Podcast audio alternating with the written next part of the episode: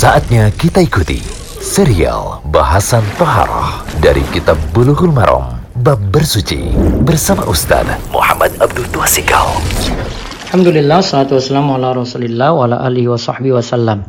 Kali ini kita lihat hadis ke-40 dari kitab Bulughul Maram karya Imam Ibnu Hajar Al-Asqalani, kitab Toharah, bersuci, bab tentang wudhu. Hukum menyela-nyela jenggot. Dari Utsman radhiyallahu anhu bahwa Nabi Shallallahu alaihi wasallam kana yukhallilu lihiyatahu fil wudu. Akhrajahu Tirmidzi wa Sahih Ibnu Khuzaimah. Dari Utsman radhiyallahu anhu, Nabi Shallallahu alaihi wasallam menyela-nyela air ke jenggotnya ketika berwudu.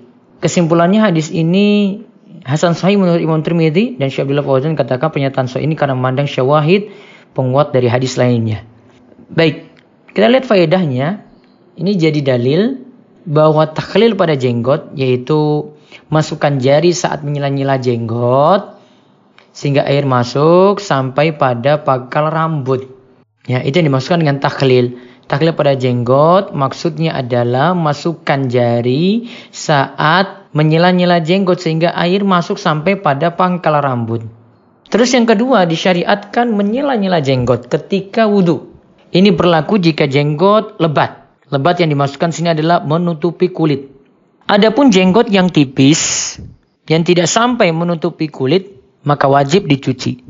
Termasuk pula kulitnya. Ini untuk jenggot yang tipis ya, tetap wajib dicuci.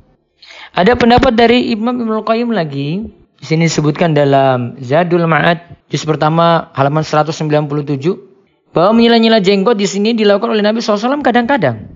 Jadi yang sesuai sunnah adalah kadang dilakukan dan kadang ditinggalkan. Dan kita ambil pelajaran juga di sini berarti suatu hal itu dari Nabi tidak semuanya kita lakukan terus.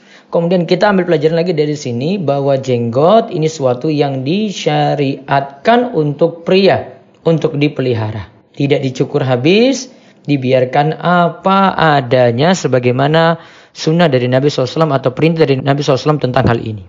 Wallahu a'lam Demikian serial bahasan Toharoh dari Kitab Bulughul Maram Bab Bersuci bersama Ustaz Muhammad Abdul Tuasikal.